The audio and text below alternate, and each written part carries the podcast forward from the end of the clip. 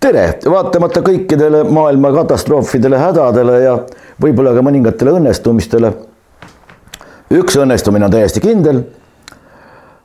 poolgu toimib, toimub, Igor Gräzin kohal ja pidime täna rääkima lõimumisest. aga enne veel, kui me sinna lõimumise juurde jõuame, mul on Igor sulle üks küsimus. sa oled väga palju käinud, väga palju näinud. kunagi on mul olnud veidi tihedam kokkupuude päris pika aja jooksul USA diplomaatiliste teenistustega ja hämmastav on see, mismoodi nemad oma tööd teevad. Nad töötavad hiliste õhtutundideni ja kui vaja on, võtavad ööst ka veel lisa. peaasi, et kõik saab tehtud, kõik on korda aetud, kõik on nagu nõutud või natukene isegi parem. see ja, ja tulemus on näha, näiteks praegu on Ühendriikide kodanikele terve, terves maailmas, lööd ükskõik missuguse riigi kuskilt lahti Ühendriikide kodanikule soovitused, sinna mitte minna, sinna minnes pane tähele seda ja seda ja seda. sealt piirist üle ei saa, kui sul ei ole kaasas neid ja neid dokumente, sinna soovitame üldse mitte minna seal on praegu mingisugune ohuolukord number, no näiteks kaks, oranž või, või mingisugune muu, muu selline. Sinna on piirid vabad, sinna saab sõita maanteed number kolm kaudu ja nii edasi ja nii edasi. ükskõik kus maailma otsas sa lööd lahti oma State Department või äh, riigidepartemangu äh, lehekülje ja sa saad täis, täis ülevaate selle kohta, kuidas käituda, kuidas saab kas välismaalt kuskil mujal maailmas olles koju, missuguseid maanteid, missuguseid transpordivahendeid kasutades või olles Ühendriikides, kuidas sa saad ühte või teise punkti reisida nii et see toimub maksimaalselt ohutult, maksimaalselt kiiresti ja nii edasi ja nii edasi. seda kõike uuendatakse igapäevaselt, see töö on pidev, intensiivne, ma kujutan ette. ja nüüd meil ei ole mitte midagi taolist, isegi Euroopa tingimustes. meil on digivolinik on meie oma olnud, meil on IT-volinik olnud. Nüüd kõige lihtsam küsimus, millal, kuidas ma siis sinna Lätti saan või kuidas ma saan sealt Kreekast koju või kuidas ma saan siit sinna Kreekasse, kas on juba midagi leevenenud või ei ole leevenenud? Või selle asemel teatab keegi välisministeeriumist meil, aga sa ära mine puhka seal või siin või puhka ära üldse puhka, ole siin ja kuidas, kust võtab üldse selle ülbuse sekkuda minu eraellu ja, ja sekkuda minu huvidesse ja, ja minu mingitesse käimistesse või minu, minu mingitesse kiindumustesse ühe või teise kunstiliigi või maa või, või, või millegi muu vastu. meil puudub igasugune ülevaade selle kohta. Ja lõpptulemus on see, et siis inimesed kuhjuvad, keegi korraldab tähesõite Poola peal, läheme nüüd kõik koguneme, läheme piiri äärde. Ja siis käiakse ümberkaudsetes külades toitu nuiamas, mitte ükski mainstream'i äh, äh, meediaväljaanne ei tee inimestega intervjuusid selle kohta, kuidas teil siin läheb, kas teil siin läheb, kes selle korraldas, miks selle korraldas, kuidas see üldse võimalik on. see on kõik meie tegemata jätmine või mingisugune, need diplomaadid vist käivad üksteisega, ma ei tea, kolleegidega võib-olla veini joomas, naudivad ühte või teist. konkreetne inimene, kes küsis näiteks Kreekast, et kuidas ma sinna saan, vot ei tea, no aga kes siis teab, no vot ei tea, aga kuidas te ise käite, aga me oleme ju diplomaat. tema reisib, teda keegi teine enam ei huvita. Kuidas sulle tundub, sa oled ju ka Europarlamendis olnud, Ameerika asjaajamist tunned täpselt samamoodi.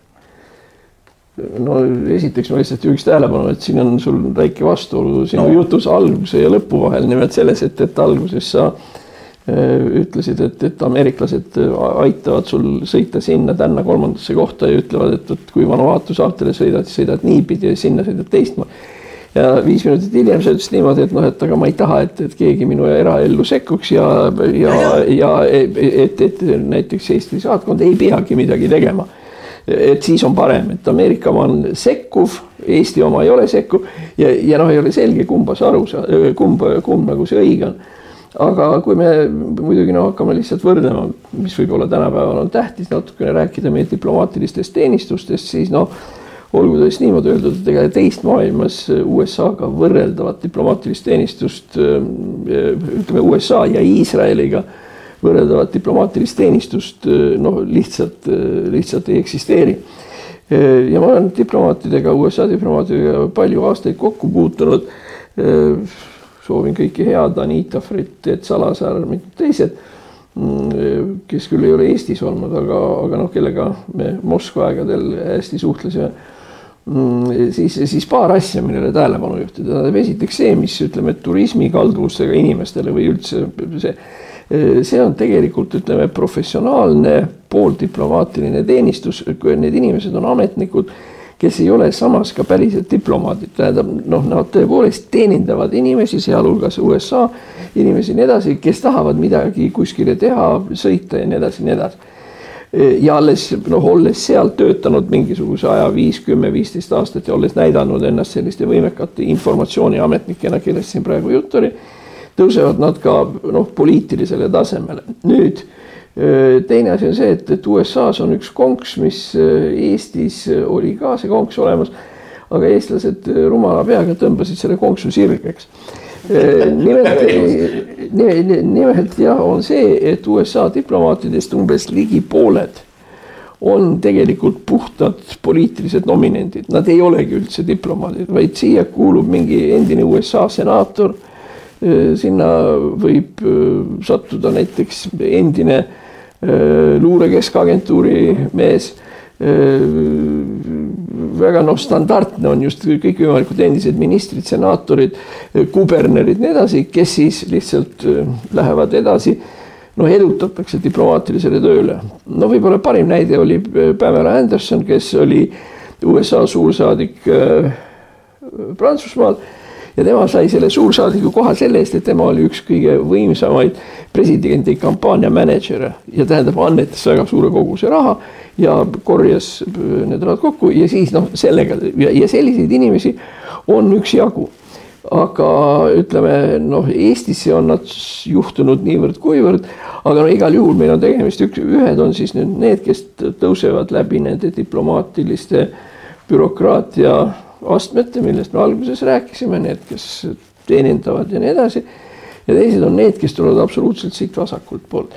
ja Eestis see süsteem töötas, kusjuures ta töötas hästi.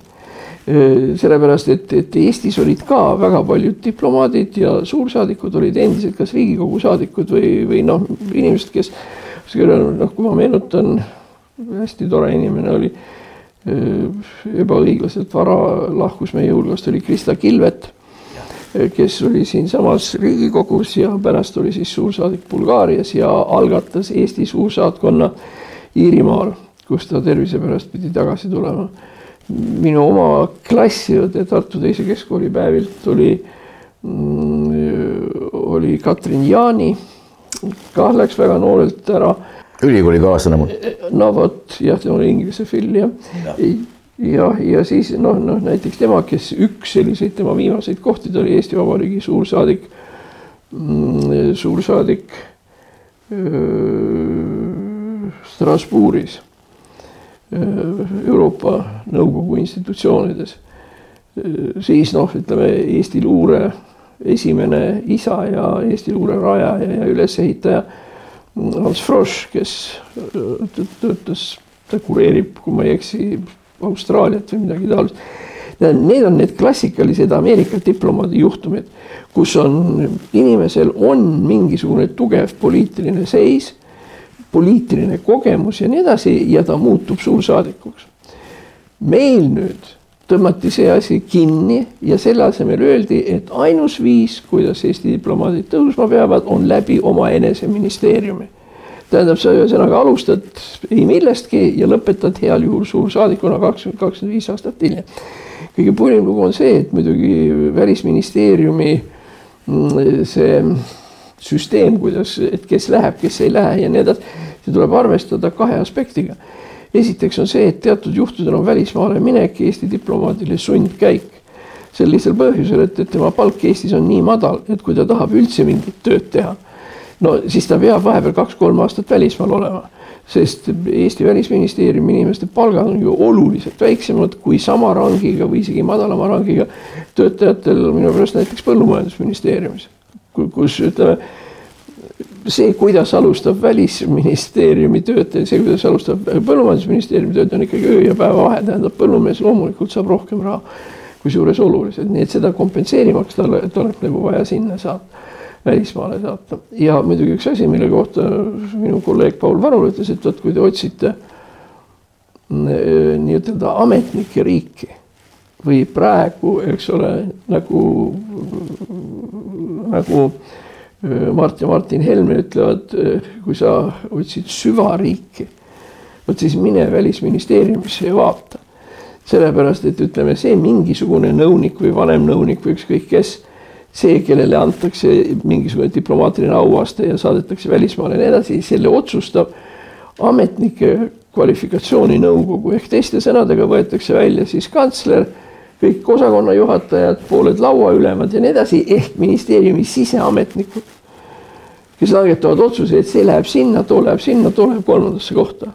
ehk teiste sõnadega Eesti riigi välisfunktsioon, mis on kahtlemata väga vajalik, on lihtsalt antud ühe ministeeriumi ühtede ametnike kätte ja no siit on juba täiesti loogiline, eks ole, et, et seda valikut mõjutavad miljon tüüpi omavahelisi suhteid ja, ja mis iganes.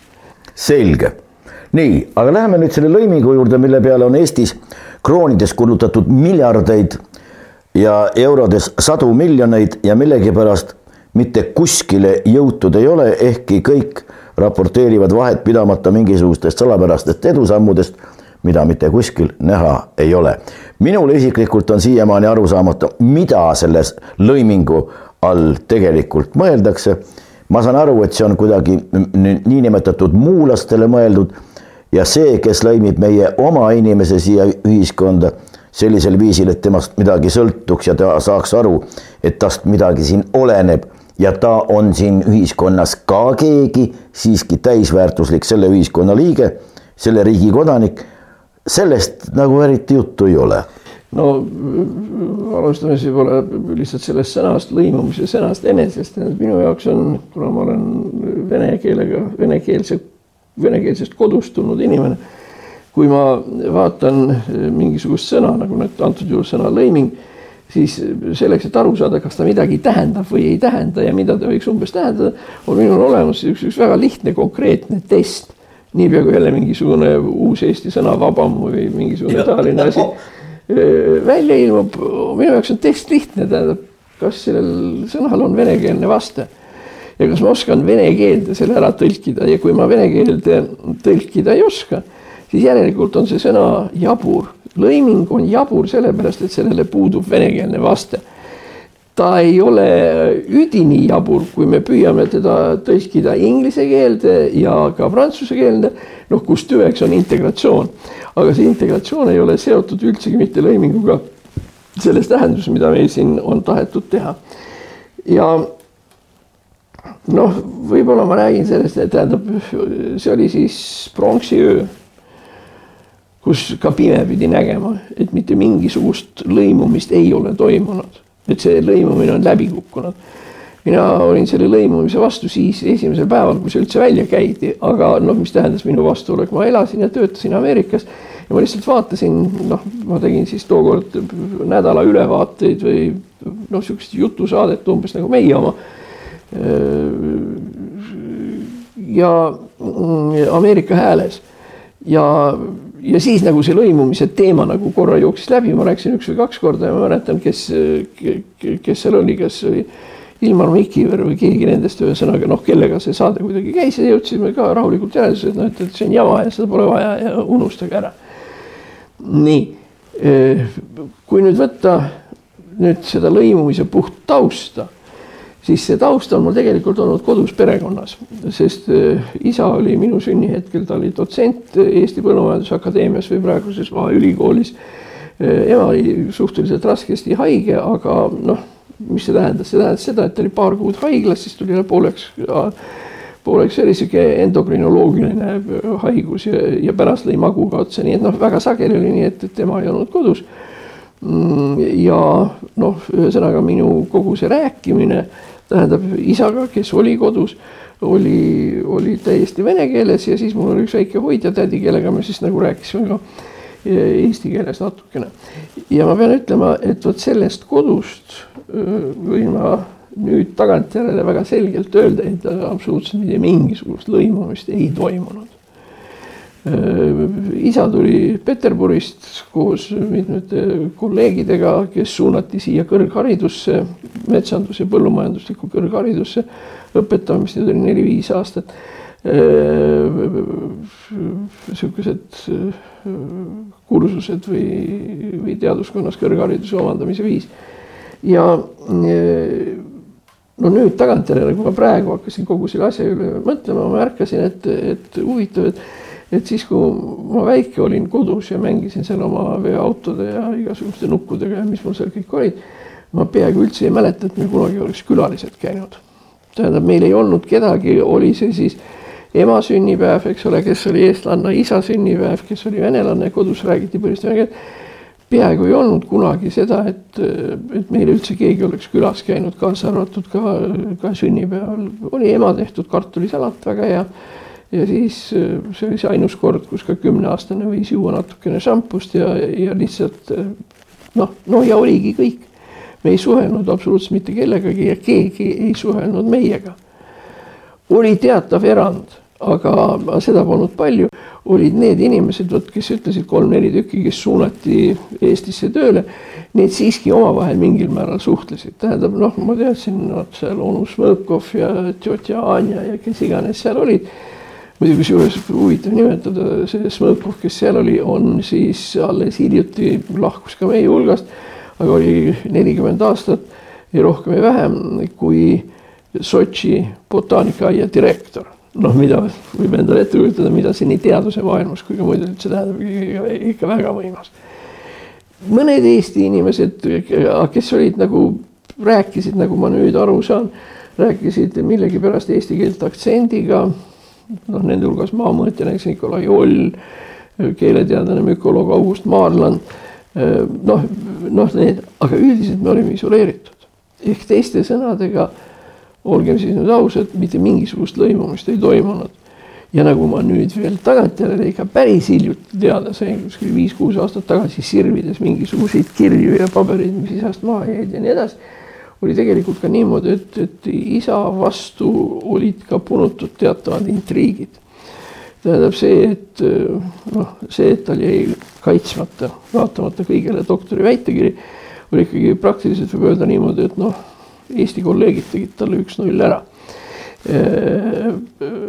ja noh, noh vot sellised asjad, nii et mina näiteks läksin doktorit kaitsma ja hakkasin professoriks osaliselt noh, jutumärkides kättemaksuks isa eest, et isal jäi see, jäid need kraadid saamata, siis noh, mina otsustasin, et, et ma ei lõpeta enne ära, kui minul on kõik need kraadid käes, mida isa tahtis. no ja oligi, lõpuks küll ma olen siin prorektor ja doktor, professor ja osakonna juhataja, instituutide asedirektor, mis iganes see kõik oli isegi, isegi Ameerikas mingisuguse instituudi direktor lühikest aega ja, ja nii edasi. Aga see on näide, tähendab, kuidas seda lõimumist reaalselt ei toimunud, kusjuures noh, samas võib öelda niimoodi, et, et see toimumine toimus mingil määral nagu tudengite tasemel. no ma tean, et minu isasse suhtusid väga hästi mitmed üliõpilased, kõigepealt läbi kaamera olgu öeldud tervised. Villu Reiljan, kes kirjutas isa juures oma, oma töö ja kes kunagi on tagantreast kuulnud, kus ta, kus ta minu eh, isa kiitis, et kui tubli puhast verd Eesti mees ta oli ja nii edasi, mis noh, nagu ei vastanud tõele, aga samal ajal oli väga sihuke tore kompliment. nii et ühesõnaga ütleme siis niimoodi, et ega see lõimumine eh, ega ikka ta nagu väga ei käinud see on seesama, mis me näeme praegu mingil määral Tallinnas. võrdle Õismäed ja Lasnamäed, kus ütleme, rahvuslik segunemine on ikkagi praktiliselt olematu. Ja e-, ega elektoraat on ka täiesti absoluutselt erinev nojah. eriti, mis lööb välja kohalikel valimistel, see on, see on selge. teada on, et need valivad seda ja need valivad, need, need seda ei vali mitte kunagi no.. nüüd on küsimus selles, et, et, et kas olekski vaja, et nad valiksid lõppkokkuvõttes, las nad valivad nii, nagu nad tahavad ja kõik on paras ja hea, mis sa siin ikka nii väga oma hinge piinad. Võib-olla oleks just see, see hea koht, ütleme, kui, kui võtta kasvõi fotoaparaat kätte ja vaadata lihtsalt noh, neid uuselamuid ja nii edasi. ühesõnaga see, millele sa teeksid nagu analoogia näiteks Tallinna Õismäele, siis Tallinna Õismäe on, ütleme, see keskmiselt tagapool olev Tartu Annelinn, üheksas mai Pärnus, noh, Paala linn Viljandis. Need, need on nagu noh, põhimõtteliselt väga ühesugused. ja nüüd pane siia kõrvale Lasnamäe, no absoluutselt midagi teistmoodi, kusjuures no hakkame lihtsalt sellest peale, et, et Lasnamäel on ega siin linnavalitsus ka midagi vist eriti teha ei saa. Lasnamäel on raske elada, sellepärast et Lasnamäel on kolm-neli korda rohkem sõiduautosid kui Õismäel. tähendab, Lasnamäe parkimiskoha leidmine on ikkagi väga sügav probleem. Ehk teiste sõnadega võrreldes nende noh, Eesti, Eesti rahvuslike asumitega ja nii edasi no venelane teab, et, et tal naljalt parkimiskohta ei ole ja ta võib teha, ma ei tea, kümme, kakskümmend ringi seal ja ta saab selle. samas kui noh, eestlasel on Lasnamäel sõitmiseks lihtsalt no, no, no ei oskagi sõita, seepärast sinna ei mahu. järelikult siit tulenevad erinevad, erinevad elustiilid. Ehk teiste sõnadega, kui venelased on Tallinnas põhimõtteliselt kõik autoga sõitjad ja eestlased ei ole ja eestlased siis noh, ma ei tea, tahavad jalgrattaga sõita või mis iganes, ühesõnaga, kus ütleme, Eesti poole peal on autosid vähe, siis see tähendab seda, et ka elustiil on absoluutselt erinev.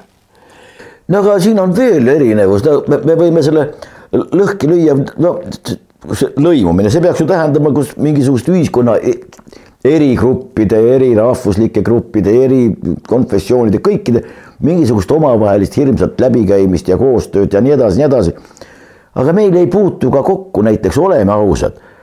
Need linna niinimetatud untsantsakad ja siis ka meie maarahvas, ega nad eriti kokku ei puutu. ei puutu jah no ütleme, võib-olla niisugune koht, kus, kus me näeme rahvuslikku lõimumist enam-vähem nii ideaalsel kujul, kui ta peaks olema, et, et kohe ei olegi vaja enam õieti midagi teha, vaid lihtsalt noh, vaata pealt, väga tore ja nii see on. on mingil määral ütleme kesklinn ja vanalinn tähendab, kuhu erinevatest noh, äärelinnadest sõidetakse keskele kokku erinevatel põhjustel. Peatrisse niisama viina võtma, jalutama, no ükskõik mille pärast, aga seal nagu tullakse kokku. ja, ja seal nii palju noh, kui mul on silma paistnud, ütleme seal Viru tänava kandis ja nii edasi seal mitte mingisuguseid selliseid noh, pingeid, konflikte sisuliselt ju ei ole. sellepärast et, et nähtavasti nii Õismäe kui ka Lasnamäe omad leiavad, et see on nende ühine territoorium, no sa sõitsid siia koos välismaale laupäevaks või pühapäevaks ja pärast seda sa sõidad koju ja järelikult konfliktiks kui niisuguseks puudub alus. võib-olla ainus koht, kus konfliktsus võib kuidagi olla, aga ega siin on kah väga rahvusvaheline see asi, on, tähendab, on taskuvargad, kottide ja taskute vargad ja nii edasi, kes on äh, Viru tänaval ja, ja seal olemas, kus neid kotte varastatakse või siis kui siit alla minna Toompealtki pika jala juures ja nii edasi aga siin puudub rahvuslik eripära, tähendab, varastavad mõlemad. nii et on nii ühed kui ka teised. nii et isegi siin nagu mingisugust sihukest probleemi ei ole, lõimumine aga on. no nüüd on selle välja löönud ka veel klassiviha lisaks sellele, mulle tundub vähemalt küll. Äh, vaata, nüüd on maasikas, maasikas on muutunud tüljena. Ühest küljest pagana maakad, mida nad õiendavad, mingu põllule, tehku tööd. Teiselt poolt maakas, see nii maakaks kutsutu või isegi sõimatu, see ütleb tagasi, aga te ise, te ei toida ennast ja nii edasi. Ja siin on ka noh, suisa karjutakse üksteise peale, nagu oleks mingite täiesti erinevate seltskondadega tegemist, mingisugust niisugust kokkukäimiskohta või mõistmiskohta. kallid sõbrad, äkki hakkaks koos midagi tegema, äkki hakkaks vaatama kuidas me nendest asjadest üle saame või, või kuidas see on. no ei paistagi, teisest küljest on siin sotsiaalne aspekt, millest mitte keegi mitte kuskil mitte kunagi rääkinud meie tingimustest peale noh, Vilde Tammsaare ja veel mõningate. ei olegi, siin on see sotsiaalne aspekt selles mõttes, et meie maasikamees, no suur osa, mis ei ole muidugi absoluut seal on neid, kes ei õienda, ajavad vaikselt oma asja ja tulevad toime no võib-olla suurte raskustega teinekord ja, ja võib-olla isegi püksirihma pingutades. aga teine seltskond on, kes esimene, kui on mingisugused toetused kätte saada. mis asja, te tahate öelda, et ma pean selle mingisuguse Belarusi endale ostma või? nalja teete, Ferguson olgu siin pool miljonit makstev, mis asja, ah et auto, no nii mis te tahate öelda, et ma pean mingisuguse no, no mis nüüd mingi Kiiaga ringis hakkama sõitma, see peab olema Toyota Land Cruiser, ma pean neile näitama, isegi Maasik kirjeldas meie talupoega ju viisil, et värskelt noh, nii-öelda peremeheks saanud vend, ta isegi matuserongis ta kihutab oma uhke vankri ja rasvase või tähendab täissöönud ja leikiva hobusega matuserongist teistest matuselistest mööda ja ainult sellepärast, et näidata, kui uhke hobune ja vaata, missugune vanker mul all on. no siin on seda näitamist ja seda popslust tegelikult ja noh, seda, seda uus peremeest, noh jutumärkides, seda on ka küll ja küll, eriti olukorras, kus on, ühed on osavamad projektikirjutajad või palganud endale osavamad projektikirjutajad ja nii edasi ja nii edasi. see suhtumine ja see, ega see ei ole ka ju ühine nojah, tähendab see, ma ei tea üldse, kust see maasikavärk nii väga välja kargas, sellepärast, sellepärast ma ei tea, kui palju, kui palju keegi meist reaalses elus maasikaid sööb. noh, enamikul. nüüd jääb mulje selline, et no tähendab igale eestlase peale tonn. jah. ja kui seda ei ole, siis on rahvuslik katastroof ja, ja, ja siis peavad kolmkümmend maasikakasvatajat, kes on siiamaani Neid on kindlasti rohkem, ma tean mitut, kes kodus kasvatavad, kes ei õienda mitte poole sõnagagi, kelle põldudel ma ei ole näinud ühtegi Ukrainast ega Karpaatia venda mingisugust sara parandamas. ei, ei ole, aga noh. no ühesõnaga see, see, et maasikas oleks Eesti seisukohalt kuidagi sihuke väga-väga tähtis produkt, noh, see nagu väga ei vasta tõele, sa siin juba korra nimetasid, noh kas sa kujutad endale ette, et, et Vargamäe Andres oleks nüüd kõrva, oleks hakanud maasikaid kasvatama või, või kõrboja Anna või, või ükskõik kes tähendab. muide, tegelikult ei teagi. no võib-olla teatav äh, selline kõige lähemal sellele maasika kasvatamisele võis olla, aga võis ka mitte olla, oli Raja Teele, kelle talus ja noh, kui me tuletame meelde, et, et kui ta käis kui ta käis äh, Tootsile külge ajamas ja, ja nii edasi, siis ta tuli, mm, siis ta tuli Ülesoole, millega õunapuudega, ta tõi sinna õunapuistikuid ehk teiste sõnadega aia seda kultuuri, mida ta nagu pidas vajalikuks. aga, aga nüüd, et, et selline massiline põllumajanduslik tootmine sellesama rasvase hobusega või nii edasi, no jumalukene, tähendab, see ei ole, see ei ole see maasikaga lihtsalt on juhtunud nüüd niimoodi, et Eestis, no ma ei kujuta ette, palju neid maasikakasvatajaid võib olla, ma arvan kuskil sadakond või, või noh, natukene peale selle. ma olen isegi käinud ükskord sellises üle riigilises maasikakasvatajate mingisuguses sellises foorumis, kus mul paluti rääkida, ma ei mäleta, millest vist põllumajandus, vist mingist majandusest üleüldse ja ja see jäi, noh, toredad inimesed olid, mis mind muide tol korral hämmastas, oli see, et, et kuskil pool. seal ongi tore. see on see Polli katsemajandis oli see, see nõupidamine, mis mind hämmastas tookord oli natukene oli see, et noh, oli väga palju lätlasi oli kohapeal, tähendab neid, kes inglisekeelset teksti kuulasid ja see. ja teine asi mind hämmastas see, et kui paljud maasikakasvatajad on tegelikult kirikuõpetajad sest ma mäletan, et ma läksin sinna saali sisse, seal see asi juba käis, ma viskasin pilgu üle saali, lasin ringi käia.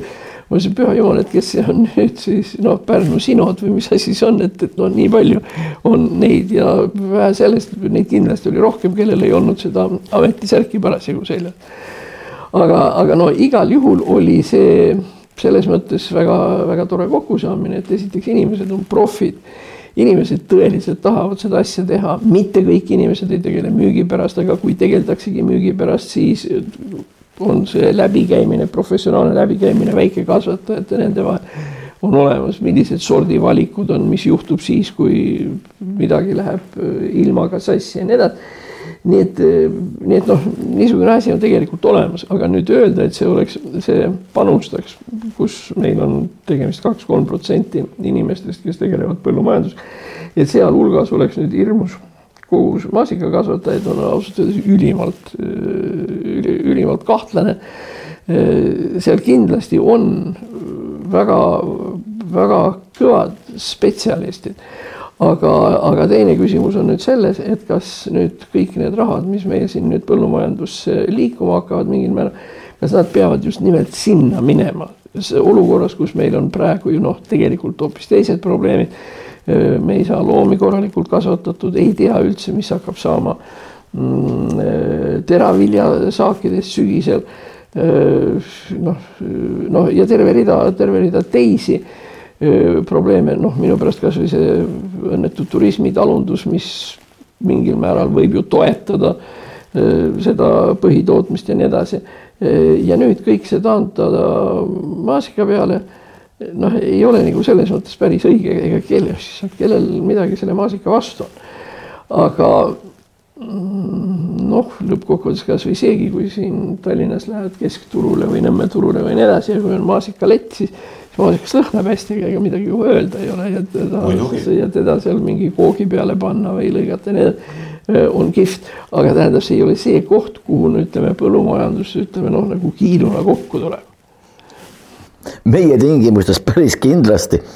Tuletame meelde, mille, mida, milleks tänaseks päevaks ei ole suurt midagi järgi jäänud. Jõgeva sordiharjutusjaamad, seesamas nimetasid pollid, pollikatsejaamad ja, ja kõik, neid oli ju hästi-hästi palju ja tänaseks päevaks on nad millegipärast kõik hingusele läinud, sellepärast et noh, on leiutatud, et ei ole vaja ja tunduvalt parem on kirjutada kõikvõimalikke projekte. see riiklik poli poliitika on ka selles mõttes olnud ikkagi kogu aeg kuskile poole kaldu, et on, on läinud või on, on mindud teisele poole kaldu algusest peale.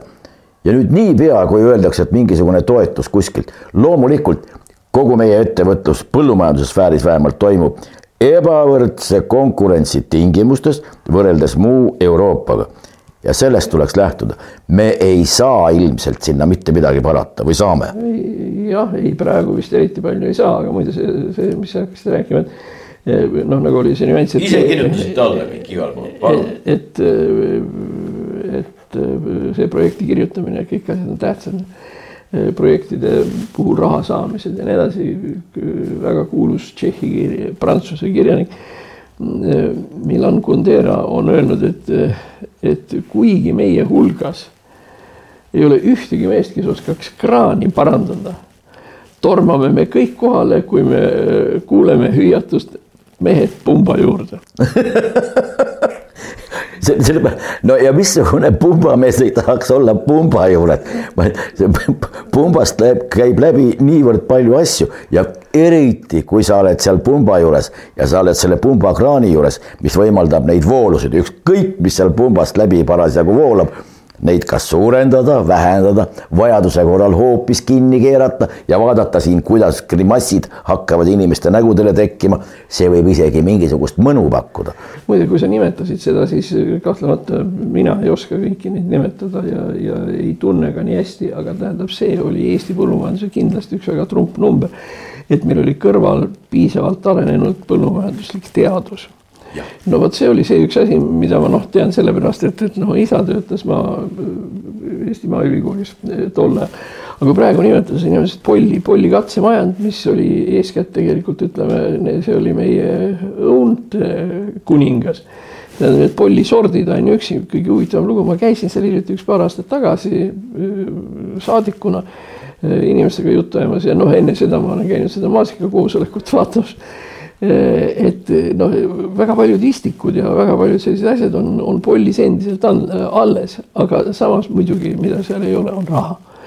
Eh, polli on läinud muide väga kavala ja väga targa liigutuse tegemise peale, nimelt nad mitte ainult ei kasvata õunu ja ei poogi neid ja tee seda nii edasi, tähendab, neil on eraldi täiesti uurimisasutus, uurimisallasutus, kus tegelikult mm, uuritakse seda, mida saab õuntest teha tähendab kõik, kõikvõimalikud poviidlod, eks ole, mis, mis võidakse teha, siis kuidas neid säilitada, nii edasi. siider jah, noh, üks asi, mis nüüd ma räägin seal seda esimest korda, aga nüüd juba on Tallinnas igal pool see asi liikvel on, on õuntekrõpsud. tead, mispärast need krõpsud peavad olema tehtud Ameerika stiilis kartulist kus kartulist ei, kartuli järele ei lõhna ka. aga, aga see oli noh, näiteks, nii et seal läheb tegelikult olukord ikkagi läheb väga hästi. teate ja aga mitte tänu riigile, ma ütleksin, vaid tänu nendele inimestele, kes sinna jäid. need õunakasvatajad ja tegijad ja, ja nii edasi, võib-olla mingil määral neid mõjutas ka see, et, et Polli katsejaama kõrval on kuulus Ärma talu ja, ja Ilves ja nii nii et ütleme. see majand, Härma talu majandusmudel, see pakub, ma, ma kujutan ette, kõneainet üsna pikaks ajaks. no aga vähemalt, vähemalt ta ei ole Pollit noh tühjaks tõmmanud. nii et ikkagi midagi jäi sinna inimestele alles. teine, mida sa nimetasid, on kahtlemata väga huvitav teema on on Jõgeva sordiaretusjaam, tähendab, kus siis kuulus Jõgeva kollane ja kõik muud.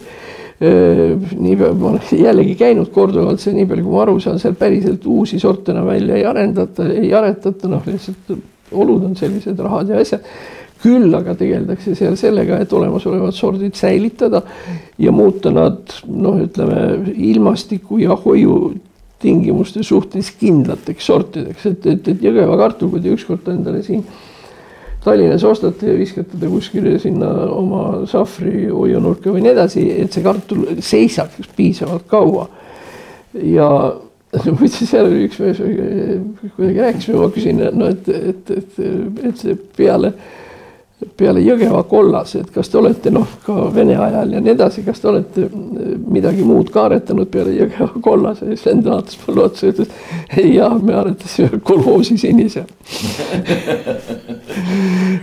nii et noh, kartulikasvatajad on ka tublid inimesed, aga, aga. et sellised, aga need, need muide, need on need just maasool ja missiooni inimesed no,. Nemad ei alusta sellest projekti toetusest. ei, ei, nemad, nemad alustavad tööst ja, ja või, või viivad, mis on mitte vähem tähtis, viivad vana tehtud tööd edasi edasi me, eks ole, siinsamas Tallinna küljel on Saksu, Saku Maaviljeluse Instituut, mis on olnud äh, Kehtna, Kehtna, vot ma ei tea, kas seal toimub midagi või mitte, aga Kehtna oli see, mida me võiks nimetada management'i koolitus või see, sest ta oli Kehtna kolhoosi esimeste kool ja, ja oli siis need nii et noh, aga kus nagu see põllumajanduse osa nagu on, on nagu kehvaks ja kehvapoolseks jäänud, on, on Väimela. sest noh, Väimela peab täitma tegelikult Võrumaal ühte teist funktsiooni, ta peab olema sihuke üldhariduslik asutus, aga ma ei ole kunagi küsinud, aga ma arvan, et seal võiks ka nagu midagi olla. Kurtna eks ole, nendest äh, kasvatustest ja nii edasi.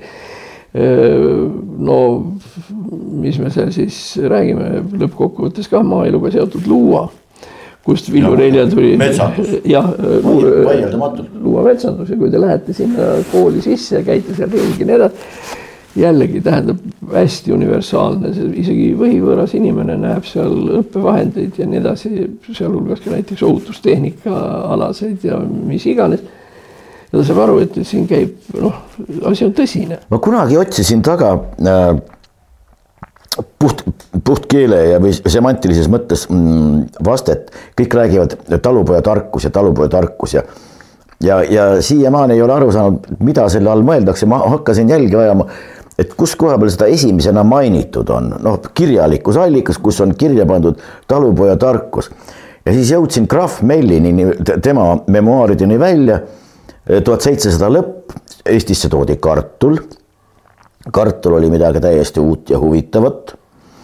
Äh, keegi äh, seda eriti ei tahtnud, talurahvas suhtus sellesse umbusklikult ja Krahv Meilin äh, Põhja-Liivimaal, praegu küll Lõuna-Eesti, kutsus neli ettevõtlikumat ja sellist noh, mõistlikku ja, ja teravat teravat pliiatsit, ütleme praeguses mõistes, tule poega enda juurde välja, andis kartulit kätte, ütles, et kuulge, proovime niimoodi, hakkame kasvatama ja vaatame, mis saab.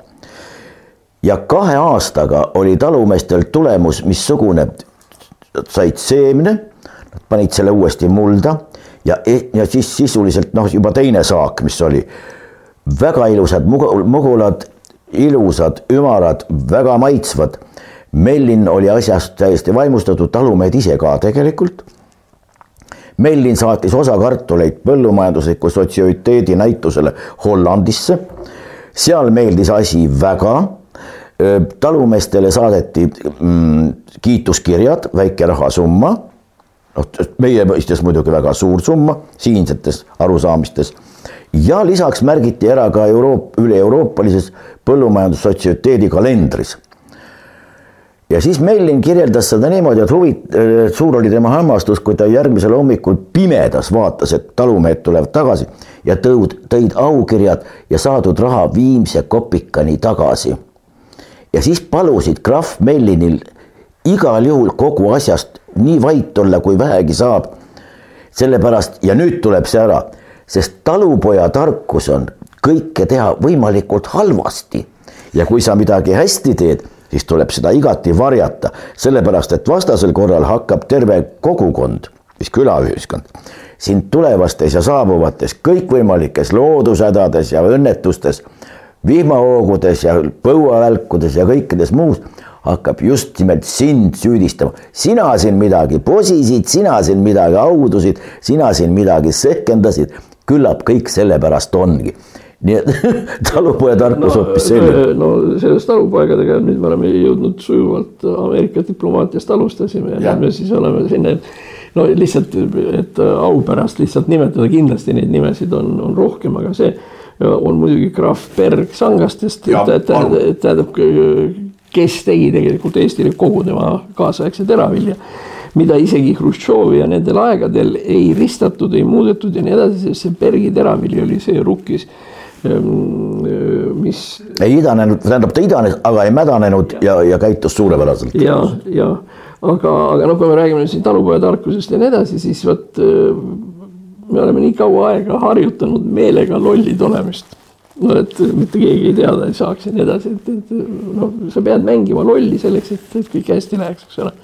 ja teised ei kadestaks no sa harjutad kümme aastat, et sa oled loll kakskümmend, kolmkümmend, nelikümmend viis, harjud ära ja õpidki ära olema loll. selle musternäide on siis äh, kavandatav Rail Baltic. Oh.. tähendab, noh, tõepoolest, eks ole, Rail Baltic on lollide idee ja lollide projekt, mille siis meie oleme omaks võtnud, tähendab, siin on üks asi, mis tasub noh meelde tuletamist, on see, et kui me räägime Balti, kui me räägime Eesti raudteest üldse, need on siis äh, marsruudid olid, ühed esimesed olid Tallinn, Tapa, Narva, siis pärast tuli äh, Paldiskisse, siis tuli otsetee Haapsalusse, kuhu pidi Keiser sõitma. Äh, vaikselt venitati välja siis Tartusse, et Tartu kaudu siis Riiga minna ja nii edasi. tähendab kõik need raudteed, mis ehitati ehitati reaalsete vedude jaoks. sai ka Mustveesse, sai ka Virtsu. jah, jah, aga, aga seal olid tagad reaalsed veod, no ütleme, Mustvee on, on arusaadav, eks ole, see on mingil määral ütleme siis äh,. kutsuti ka seeneliste rongis. jah, kutsuti seeneliste rongis ja siis Avinurme sealsamas üleval kus oli väga palju põllumajanduslikku toodangut, sealhulgas see kuulsad tünnid ja asjad ja nii edasi, eks ole, mida oli vaja vedada Virtsuga jah, muide isegi huvitav, et, et oli ka paari kilomeetri pikkune rong oli Roomassaarest eh, Saaremaal. Mm, noh, Viljandi-Türi mõisaküla eh, siin all, no siin annab alles nimetada, kuhu seda kõike asja venitati. see läks Ruhja sealt edasi ka. ja, ja tähendab, oluline nüüd on see, et sinna kohta, kuhu ehitati raudtee, sinna tegelikult tuli ka elu kui me lihtsalt võtame seda klassikalist Tartu, mm, raudteed, laia rööpmeni, nagu ta praegu on, siis ainult mine tähendab Vorbuse, Kärkna, Tabivere, Rakke, noh, ühesõnaga kõik sinna üles Jõgevani välja, Tammsalu Tapa, Tammsalul suur viljaelevaator ja mis iganes. tähendab, need kõik tegelikult olid Eesti arenenud noh, keskused, ütleme siis niimoodi, kus selle arengutõuke andis tegelikult raudtee. ja vot, kui me räägime praegu nüüd talupoja lollusest, siis tuleme nüüd siis tagasi, talupoja lollus on see, et see kõik likvideeriti. ja noh, au ja kiitus, eks ole, erakonnale Isamaa, kes praktiliselt lõhkus laiali kogu Eesti asunduse noh, ütleme raudtee ümber ja oma mahult kuskil umbes kaks kolmandikku nii et äh, Isamaa lõhkus maha Eesti Vabariigi ja siis nüüd see koht. Äh, aga kes selle raudtee ehitasid? tähendab noh, Isamaa muster näide tähendab, et noh, et äh, loll on hull ja aktiivne loll on katastroof, no see on siis Isamaa, eks ole. niimoodi aga, mm, aga kes siis selle raudtee ehitas ja selle raudtee ehitas tegelikult siis Balti rüütelkond.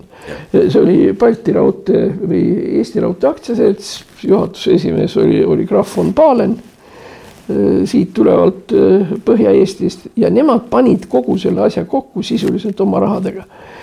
ja alles hiljem, aastal tuhat üheksasada neli, tuhat üheksasada viis kuskil, kui neil sellest raudteevedudest nagu juba noh tüdimus peale tuli ja tõepoolest ta nagu väga ei töötanud enam nii, nagu ta mõeldud oli.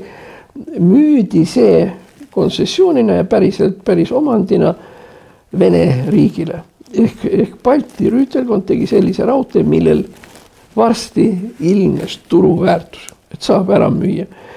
ja ma täiesti kujutan ette, et, et Pahlen või, või Piironid või Benningshausenid, kes tol korral kõik siin ei olnud et need praegu hauas keeravad ringi.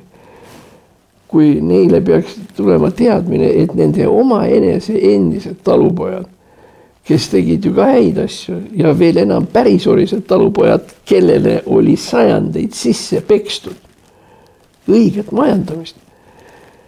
et need idioodid on nüüd nii lollid, et nad võõra raha eest ehitavad ise raudtee, tehes täiendavaid kulutusi, millest ei ole mingisugust lootustki sellest kunagi lahti saada, mis on täiesti majanduslikult sügavalt mõttetu. siiamaani vastust ei ole ühele küsimusele, no tõesti arusaamatu, kui on kuskil mingisugune raudtee, mida te seal tassima hakkate? no nii ja, ja väga hea vastus, noh, ütleme. vaadake maakaardi peale korraks vaid muide, uus Silky Way ehk CDD juba planeeritud, läbi Valgevene, kõik, kõik magistraalid, miks peaks mingisugune jupp tulema siis kuskile siiapoole? no peale selle ütleme meie, meie talupojatarkuses mingisugused ehitamised ju juba käivad, aga noh, õnneks mitte väga, aga käivad. siis kes mida on ehitanud? leedulased ehitasid kiirtee Vilnius-Kaunas mida seniajani ei olnud. aga see on suurepärane, need on kaks suuremat linna, kus on omavahel, kusjuures see tee läheb Rail Balticust kõrvale, aga on Rail Balticu nime all. nüüd eh, teine teema on siis Riia. ja, ja ühesõnaga Riiast, eh, Riia lennujaama mida ma arvan, et, et Eesti peaks oma eelarvega ka igati toetama tulevikus, kui seda hakatakse välja arendama sellisel põhjusel, on ka meie huvides, kui me, tähendab tegelikult, eks ole, meil Tallinna lennujaama ei ole vaja või noh, ühesõnaga Tallinna lennujaama on tegelikult eestlase seisukohalt mõttetu, sellepärast et ta, ta asub kaugel, ta asub nurga taga, Tallinna lennujaamast ei saa kuskile lennata ei praegu ega ka tulevikus mm,. aga Riia on teine asi, sellepärast Riias on olemas esiteks lennujaam ja teiseks see kuulus Air Baltic, rohelise sildiga Air Baltic, mis lendab praegu kaasa arvatud Floridasse, USA-sse, Austraaliasse, kuhu iganes. ja see on Tartust kõigest saja kaheksakümne kilomeetri kaugusel, tähendab, kas nüüd tartlasel oleks tark tulla Tallinnasse, kust mitte midagi kuhugile lennata ei saa. või läheb ta Riiga, kust ta saab lennata igale poole. loomulikult läheb ta Riia poole, kui siin on olemas üks konks, mis nüüd seoses Rail Balticuga nagu üles kerkis ja mida tartlased ja võrukad ja valgakad ja kõik, kes seal on, on muidugi väga teraselt tähele pannud, on probleem on selles, et siitpoolt sõites on lennuväli Riiast valel pool. et ühesõnaga selleks, et me siitpoolt saaksime Riia lennuväljale, meil on kaks varianti, peame sõitma läbi Riia kesklinna, kus on see äh, Riia Vabadussammas hästi ilus ja sihuke ja, ja nii, nii sealt, kusjuures Riia kesklinn on üldiselt ikkagi tõeliselt raske autokoormuse all või siis tuleb siit sõites vasakult poolt ringi minna, kus on praegu üks on Riia hüdroelektrijaam, teine väiksem, kolmandat ehitatakse ja nii edasi. ühesõnaga, sa pead sõitma Riiast mööda ja kuna ei ole otseselt silda ju eriti seal, kus no, elektrijaama kose all või kuskil, sa pead sõitma tegelikult üle elektrijaama tammi mis on väga ilusti ehitatud ja sihuke kihvt on ja tore on ja seal on väga tore ka kohvi juua ja mida iganes, see ongi kihvt koht. aga kui sa oled kui sul on kiire, kui, kui, kui sina tartlasena pead täna hommikul lähed välja, sest sul on lõunaks kella kaheks vaja Berliini jõuda, siis on see, see ümbersõitmine, noh, eks ole, see on, see on lisakulu. aga nüüd siis lätlased siis tegid väga õigesti, nad ehitavad niisuguse hästi kiire tee paralleelselt raudteega, kuidas saab siis Riia lennujaama sõita. nii, niisiis leedukad ehitasid Kaunas Vilniuse, riialased ehitavad siis läbisõidu Riia lennujaama, mis on ka Eesti huvides. ja nüüd, mis Eesti siis hakkab ehitama? Eesti hakkab ehita-, ehitama ühte muldvalli. tähendab, mis siin kuskil, kuskilt peaks olema, see siis tulevane nagu mingisugune no, noh, ongi jama see, millest ma olen tegelikult kogu aeg rääkinud, et igaüks varastab sealt, kust saab. kärumees varastab käruga kruusa. või käru. või käru jah, ühesõnaga me, nüüd meie oleme siis nüüd sealmaal. nii palju ja tuleme siis uuesti tagasi, millest see jutt peale hakkas, me hakkasime rääkima Bellingshausenitest ja Graf von Palenist, kes ehitasid tõelise, ühesõnaga Eesti Raudtee. loogiline küsimus, mida vedada? lihtsalt see asi enam teist korda ei tööta. tähendab, mida vedada, olid palgid, siis kõikvõimalikud puidusaadused, tökat, terpentin,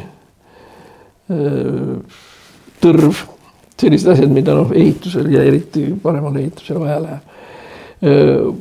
natuke teravilja. noh, ja oligi, aga seda oli parasjagu nii palju, et asi ennast ära tasub. aga noh, me lõpetasime selle, lõpetame praegu siukse morni arusaamise ma ei oskagi pärast reklaamina öelda, millest me siis täna rääkisime, vaatasin. ühesõnaga lõppkokkuvõttes me alustasime lõimumisest. see, see Rail Baltica ei lõimu siin ma ei tea mitte, mitte ühegi asjaga, kui siis ainult sellesamase talupoja lollusega. nojah, jah, las ta siis olla. õige peatselt taas.